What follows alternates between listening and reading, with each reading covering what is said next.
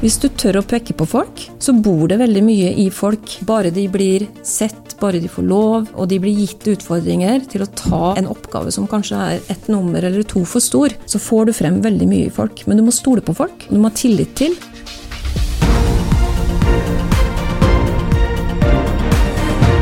Dette er All In med Oslo Business Forum. Dagens gjest er en profilert person innen tematikken digitalisering og endring. Hun har mediebakgrunn, har gründet og solgt selskaper, fått utmerkelsen En av landets mektigste kvinner i business, og er en ettertraktet foredragsholder og foreleser på Handelshøyskolen BI. Bente Solid Storhaug er også styregrossist, og ifølge proff.no har hun 18 roller som styreleder eller styremedlem i selskaper som gjør forskjellige ting som å utvikle digitale tjenester, selge varer til konsum- og bedriftsmarkedet, de driver aviser, de lever av import av biler og produksjon av alt fra teknologi, banktjenester til ullvarer.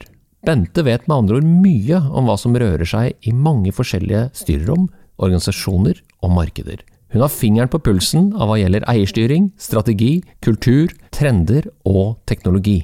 Og siden hun har egen erfaring som teknologigründer, så har hun også oppdatert seg underveis innen IT, strategi og forretningsutvikling. Så dagens gjest kan bedre enn noen si oss om hva vi bør følge ekstra godt med på. Når det er sagt, så har jeg et ønske å snakke spesielt med henne om bedriftskultur, og Netflix-kulturen spesielt. For jeg vet at Bente har vært opptatt av og har snakket varmt om Erin Meyer og Reed Hastings sin bok No Rules Rules. Så det jeg har gledet meg til å lære mer om i denne samtalen er 1. Overordnet, hva kjennetegner suksessrike selskaper i en norsk kontekst, slik Bente ser det? 2. Hva kan ledere lære av Netflix-kulturen? Teste ut med lav fallhøyde. Og tre, hvordan holder en leder seg oppdatert på hva som skjer? Velkommen til podkasten All In med Oslo Business Forum, en podkast for ledere som er lidenskapelig opptatt av ledelse, innovasjon og strategi.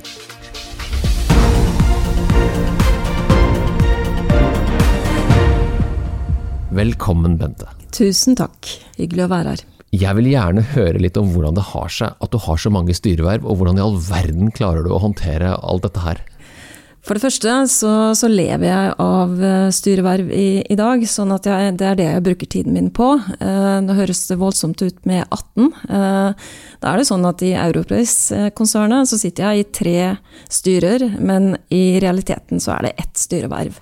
Og så sitter jeg jo i mine egne eh, selskaper. Sånn at jeg, jeg, tenker at jeg har en styreportefølje på 10-11 verv, og da fordelt på teknologi, vekstselskaper og større børsnoterte selskaper. Er det en eh, normal arbeidsuke du har for å håndtere disse styrevervene?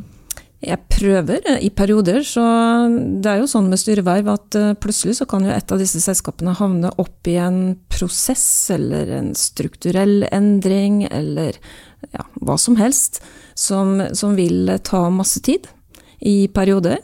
Sånn at du må alltid ha litt kapasitet til å kunne prioritere de selskapene som står i spesielle eh, situasjoner og prosesser. Et litt rart spørsmål kanskje, men er det gøy? Ja.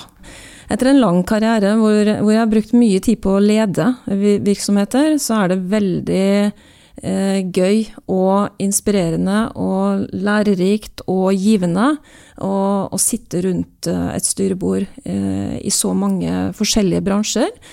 Fellesnevneren for alle disse bransjene er jo at de store selskapene står i omstilling, de jobber med digital transformasjon. Og de som er mer startups, eh, de skal ut og finansiere sin idé og, og står foran en kraftig vekststrategi. Så det er eh, kjempespennende. ja. I en av de tidligere gjestene i podkastserien, eh, Berit Svendsen, hun oppfordrer målbevisste og dyktige kvinner som ikke har styreerfaring, men som ønsker å bidra til å ta kontakt med henne. Ja. Gjør du noe av det samme? Ja, jeg hadde senest i dag en henvendelse fra en student, på, voksen student på, på BI, kvinne, som, som, lurte på hvordan hun kunne komme i posisjon for uh, styreverv. Og da sier jeg til henne at uh, jeg tror det viktigste du gjør, det er å ta en lederjobb. Uh, og så bevise at du får til å skape resultater gjennom den lederjobben. Uh, vær synlig. Tør på en måte å markere deg. Vis kompetansen din. Uh, og så kommer det første styrevervet, og så gjør du en god jobb der, og så begynner kanskje den ballen å rulle. Flott, takk for det tipset. Jeg må, og jeg gleder meg til dette, pense oss inn på noe annet spennende. For det jeg har gleda meg til å spørre deg om, som har så bred erfaring og, og, og lang erfaring, er hvis jeg skulle liksom møtt deg, det gjør jeg nå, og spurt deg om hva kjennetegner suksessrike selskaper i en norsk kontekst, altså ikke ut ifra den amerikanske oppskriftsboken, men hva kjennetegner de, Bente? Ja, altså jeg tror uh, historisk så kjennetegner altså Suksessrike bedrifter de finner et eller annet fortrinn, eller de finner et område hvor uh, man tenker at her har vi gode grunner til, eller gode muligheter til å bli ekstraordinære. Eh, for man må være litt ekstraordinær eh, hvis man skal skape noe suksessfullt. I dag så tror jeg det at eh, de bedriftene som er ekstraordinære i dag, det er de som på en måte klarer å se litt langt frem. Og som ser hvordan ulike industrier utvikler seg, og som forstår hvordan teknologi og det å drive tjenesteinnovasjon spesielt, hvordan det endrer og gir muligheter innenfor ulike bransjer. Så når oljebransjen i dag blir brede energiselskaper, og man går inn og tar en posisjon også innenfor eh, software, eh, AI, de store, mer transformative teknologiene, så er det ledere som skjønner veldig godt hvordan industriskiftet foregår.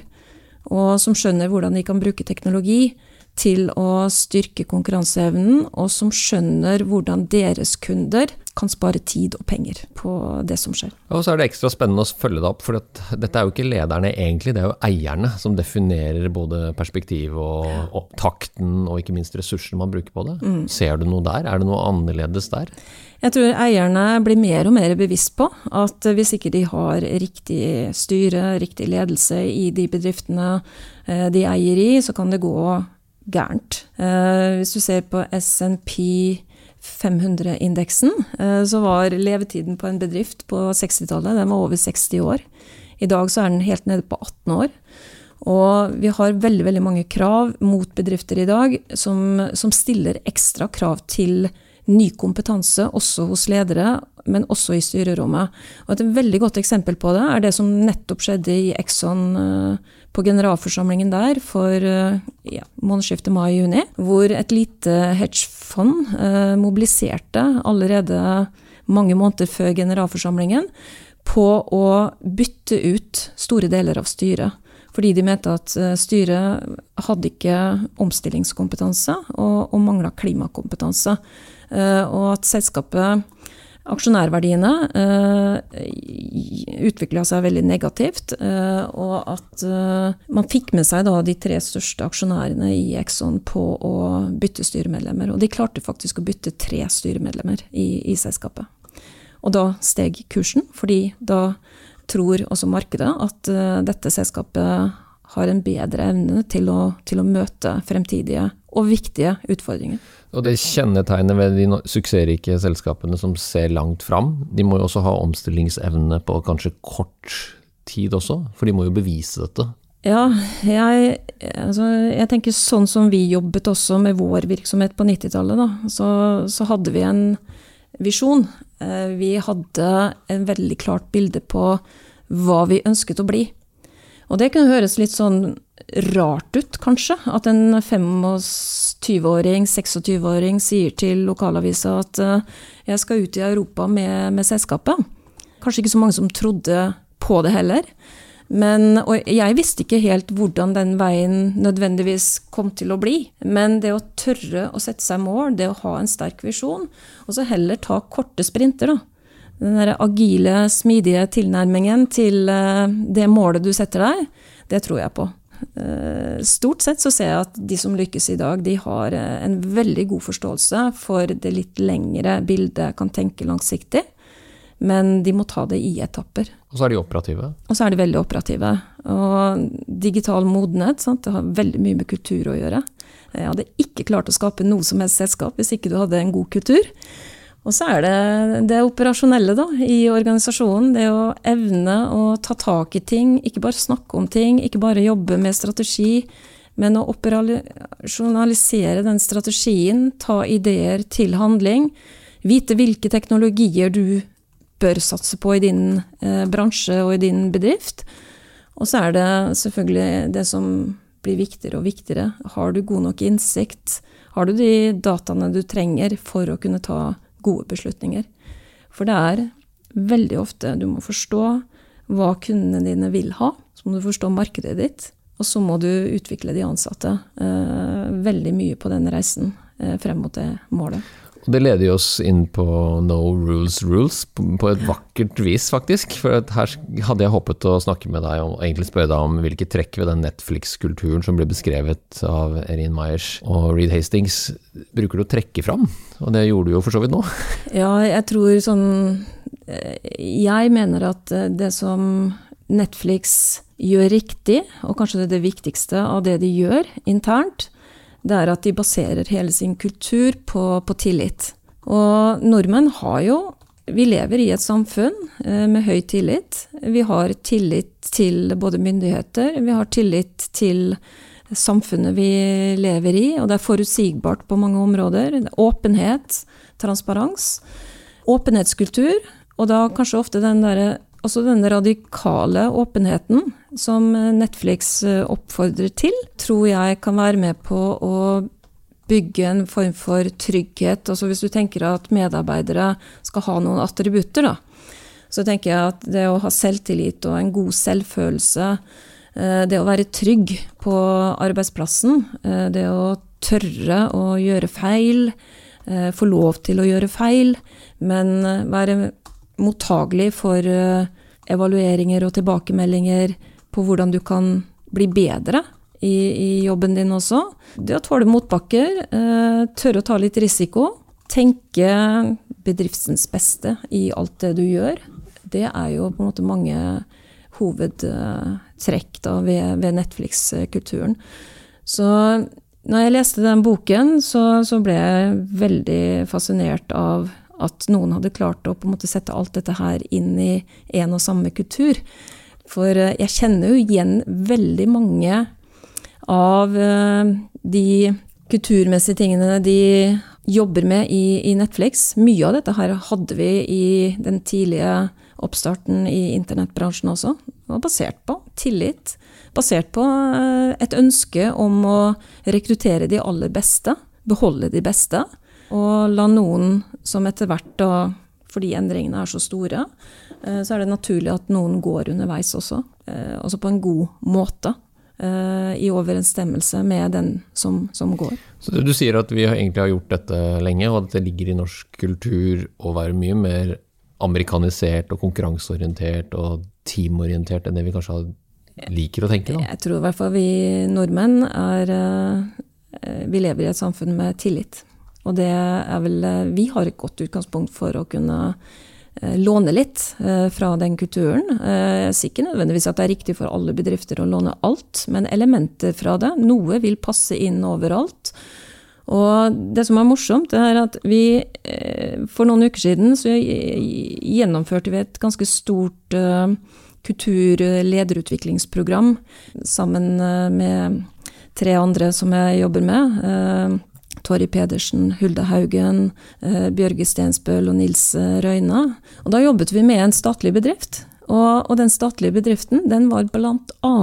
inspirert av Netflix eh, i sin omorganisering og i sin nye modell. Jeg får jo lyst til å si 'hjelp og trøste meg', og vet du hvorfor jeg vil si det? Mm. Jeg tror at man også kan se seg litt blind på at det, en, det ligger en retorikk i den. Mm som ikke nødvendigvis er, som du sier, implementerbar i en eh, Jeg vet ikke om du har sett Atle Antonsens fantastiske Etaten?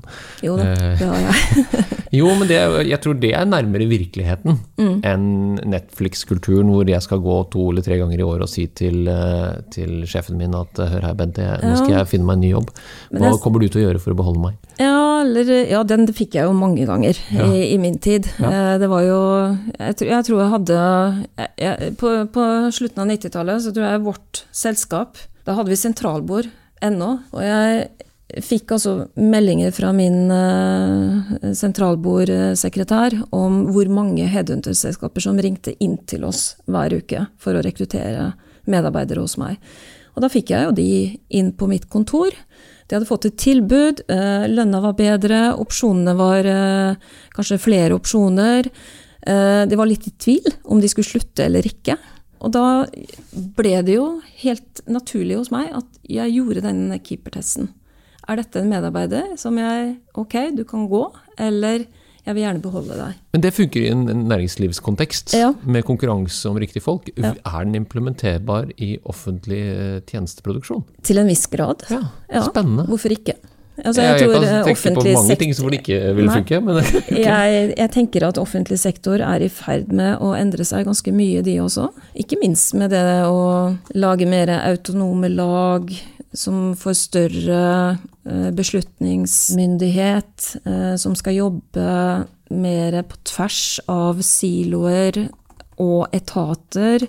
Altså det krever, altså Statlige virksomheter er også i en kjempestor omstilling for å ta ut bedre ja, effekt i, i organisasjonen. Så jeg ble veldig positivt overraska når jeg jobba med staten. Det var uh, veldig mange trekk ved det om arbeidet de er i ferd med å gjennomføre, som jeg vil kalle moderne lederskap. ja, hva, Men hva er umoderne, da? Umoderne lederskap, det er eh, ledere som ikke er åpne, som ikke delegerer eh, myndighet, som ikke stimulerer til at eh, hver og en medarbeider kan by på fryktelig mye, hvis man får den tilliten og får lov til å tenke bedriftens beste, kanskje i større grad enn alle de formelle strukturene som vi har levd med opp igjennom. Men det er jo også en sånn, det er jo fordomsbasert, det jeg sier til deg nå. Det er, det er utfordringen å finne ut hva som er motivasjonen til de ansatte.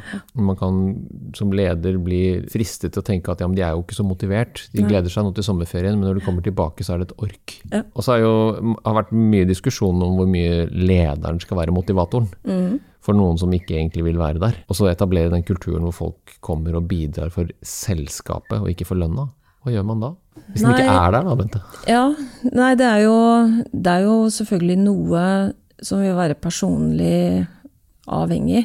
Eh, hvordan du ser på jobben din, og hvor, eh, hvilket eh, syn du har på det å drive faglig utvikling, lære mer, konstant være i en prosess hvor du lærer mer, tilegner deg kunnskap.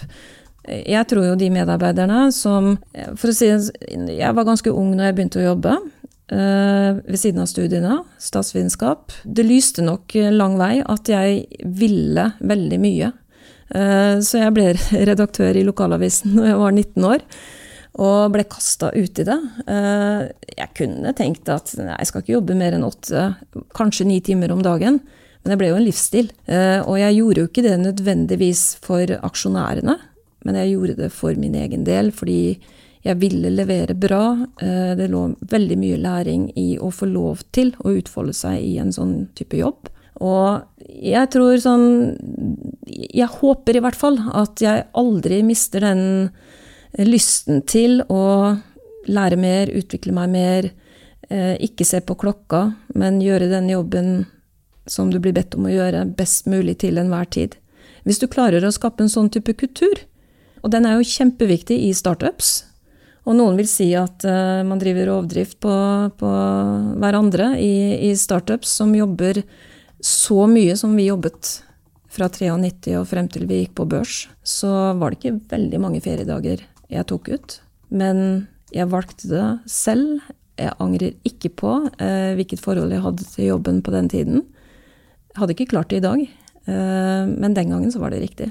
Så var det en enorm læringskurve og en enorm utviklingskurve. Jeg vet at det hadde ikke vært mulig med en, et uh, stemple inn, stemple ut-syn på, på de oppgavene og den jobben jeg hadde da. Så den tilpasningen og agiliteten som skal være kunnskapsdrevet, og som skal da Jeg vet ikke om den kommer ovenfra og ned i, i hvordan du tenker på dette her, eller om den kommer nedenfra og opp. Er det noe som kan startes, eller må det være der? Skjønner du spørsmålet? Jeg tror at hvis det er et miljø hvor, hvor læring er en del av det å jobbe, hvor, hvor det er gode programmer, hvor talenter eh, blir lagt merke til, hvor talenter gis utfordringer. Fordi jeg må jo, jeg har mange ganger tenkt på en godt voksen, erfaren avisredaktør som tenker at en 19-åring kan ta redaktørjobben i en nykjøpt eh, lokalavis. Han var veldig modig. Jeg er ikke sikker på om jeg hadde vært like modig og pekt på en 19-åring i dag. Men så vet jeg jo det at uh, hvis du tør å peke på folk, så bor det veldig mye i folk. Bare de blir sett, bare de får lov, uh, og de blir gitt utfordringer til å ta liksom, en oppgave som kanskje er ett nummer eller to for stor, så får du frem veldig mye i folk. Men du må stole på folk, og du må ha tillit til uh, at det er lov å gjøre noen feil og det var jo nettopp det han gjorde med meg, som ble så til de grader har forma meg eh, i hele mitt eh, yrkesliv. Så jeg var veldig heldig som traff på en sånn eh, person så tidlig i mitt eh, arbeidsliv. Hadde dere noen sånne tilbakemeldingssirkler, altså god veiledning, mentoring, i de der, den første perioden? Han sa bare det, at uh, du skal få to dager til å tenke deg om. Men så kommer du tilbake til meg, og så sier du at den jobben tar jeg. Jeg skjønner at det er litt uh, voldsomt, men jeg skal love deg én ting. Du skal få lov til å spørre om alt du lurer på i denne jobben. Vi er her. Hele Romsdals Bustikke står bak deg. Du kan trekke på hva du vil. Og det var selvfølgelig en enorm trygghet å vite at jeg kunne gjøre det. Og jeg kunne det òg. Uh, og så ble det jo slik at uh, veldig mye av gode kulturer sant, de prøver å finne ut av tingene mest mulig selv. Eh, men havnet vi opp i en situasjon der vi trengte litt seniorredaksjonskompetanse, så visste jeg at jeg kunne alltid ta en telefon dit. Ja, For det må jo ha skjedd noe der i Romsdal-området som var litt sånn der skal jeg gjøre det på denne måten eller andre? Ja, vil jeg tro. Det var det. Det var flere saker som Det er alltid noen vanskelige avveininger. Så vi, vi, fikk jo de på, på, bordet, vi også. Men eh, fantastisk eh, fin start. Jeg er jo veldig glad, jeg er lærer selv, så jeg er veldig glad for at du snakker om læring. Og det som er litt hemmeligheten til læring, er at når du mestrer noe og har noen å vise det til, mm. noen du gjerne ser opp til, mm. så kommer utviklingen. Ja. Eh, jeg har kjempet forgjeves som en donkeyshot i mangevis av år og prøvd å fortelle studenter at det handler ikke om den karakteren på det vitnesmålet, men du må kunne vise det ja. i din karakter. Ja. Og det du beskriver, er jo en sånn å bli verktøyet. Mm. Det savner jeg egentlig i den Netflix-skryteboken til Meyer. At eh, det blir veldig på en slags Litt sånn 'dette går an å gjøre', og det gjør det. Du mm. kan lage et kompetitivt team mm. med utrolig dyktige folk som har tillit til konseptet. Mens det som er nok litt mer vrient, er å omstille en eksisterende kultur til å lære å utvikle seg. Ja, for det er ikke noe du kan vedta, nemlig. Og, og, vi får jo mange kulturprosjekter inn på styrerommet også, eh, hvor man ønsker å bli mer innovativ, hvor man ønsker å bli mer fleksibel, hvor man ønsker på en måte å bli mer av det som kjennetegner bedrifter som fanger opp eh, trender, eh, som er kanskje mer digitalt modna. Eh, som ønsker å gå fra et område som de skal transformeres da, over til mer digitale tjenester. Så det er klart at eh, når jeg studerte på INSEAD eh, nå i vår, så jobber vi med rødt og blått lederskap. Hvor de store selskapene er veldig opptatt av kontroll og styring, gode analyser, man er på børs, eh, og man vet at eh, det man blir målt på, det er eh, siste kvartals resultater. Man tar mindre risiko. Og man kjører en, en trygg linje, forsvarer de gamle inntektsstrømmene sine lengst mulig fordi man trenger de pengene til å ta kostnaden ved den digitale transformasjonen. Mens eh, de selskapene som jeg har hatt mitt utgangspunkt i, da, eh, de er jo veldig annerledes eh, strukturert, og der tar man jo mye risiko. Og så er man jo i Har ikke noe ryggsekk med gammel historikk og legacy. Man kan tenke helt nytt, og man kan etablere nye tjenester. Utfordre monopolister og endre på forretningsmodeller. Eh, og det er klart at eh, de to kulturene der, sånn ledermessige eh, og ikke minst hvordan ansatte jobber mot å, å realisere det man skal, det er to forskjellige kulturer. Men jeg har hatt en fot i begge disse, både det røde og det blå lederskapet. Og jeg ser jo at eh, startups har mye å lære. Særlig når de da beveger seg raskt mot børs, så har de veldig mye å lære av de store selskapene. Hvordan de etablerer eh, mer struktur. Og ikke minst så ser jeg jo at de store selskapene ønsker seg en sterk entreprenørkultur internt, fordi man blir utfordra på nye inntektsstrømmer. Mange ser at de må lage nye hybrider, sånn som er på tvers av de tradisjonelle bransjelinjene. Og da, da krever det sterkere det som min professor på BI kaller sterkere innovasjonsevne. Ikke bare det at du har kapasitet, men at du faktisk har evne til å innovere. Og Petter Inge vet jo også det at det, er jo noe av det hotteste man kan være for tiden i big companies, er jo enten become entrepreneurial, mm. altså jobbe som entreprenører, ja. eller også skyte ut entreprenørskap innenfor organisasjonen, så du får intraprenørskap. Ja. Men det, vi en, det må vi ta en, da har vi en tredje gjest til den samtalen. Jeg gleder meg allerede.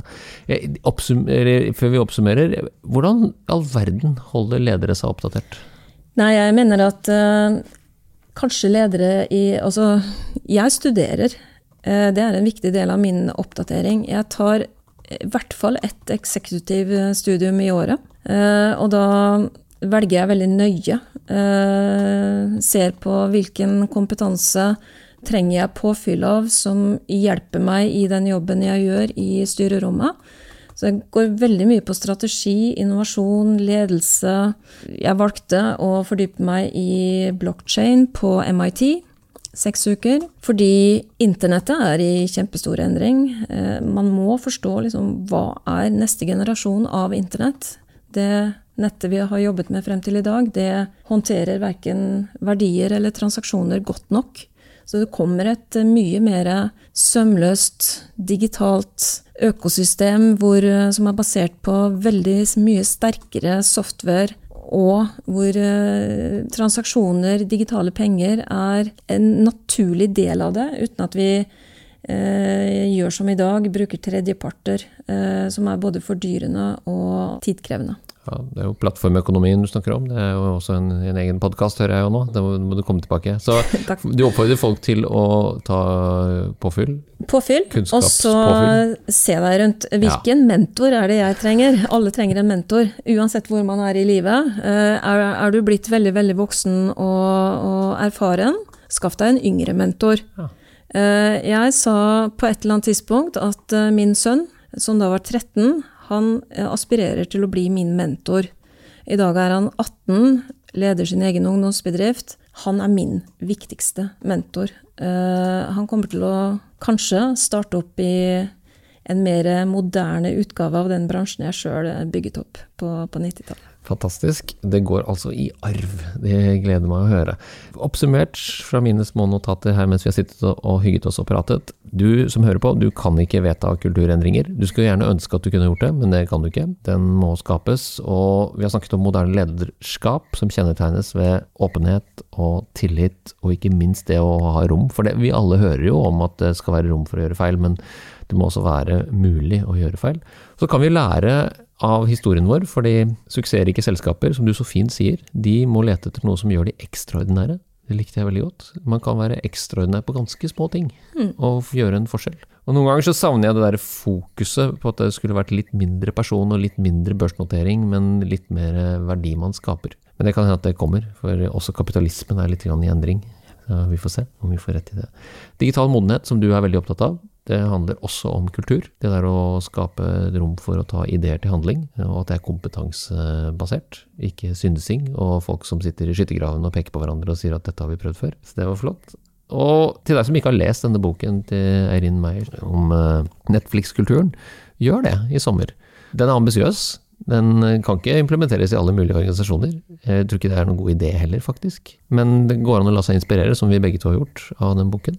Er det noen siste råd du vil gi til ledere eller folk som sitter med, i styreverv og lurer på hvor, hvor, hvordan kommer jeg videre? Som du har erfart, som du har kjent at oi, det der funka. Mm.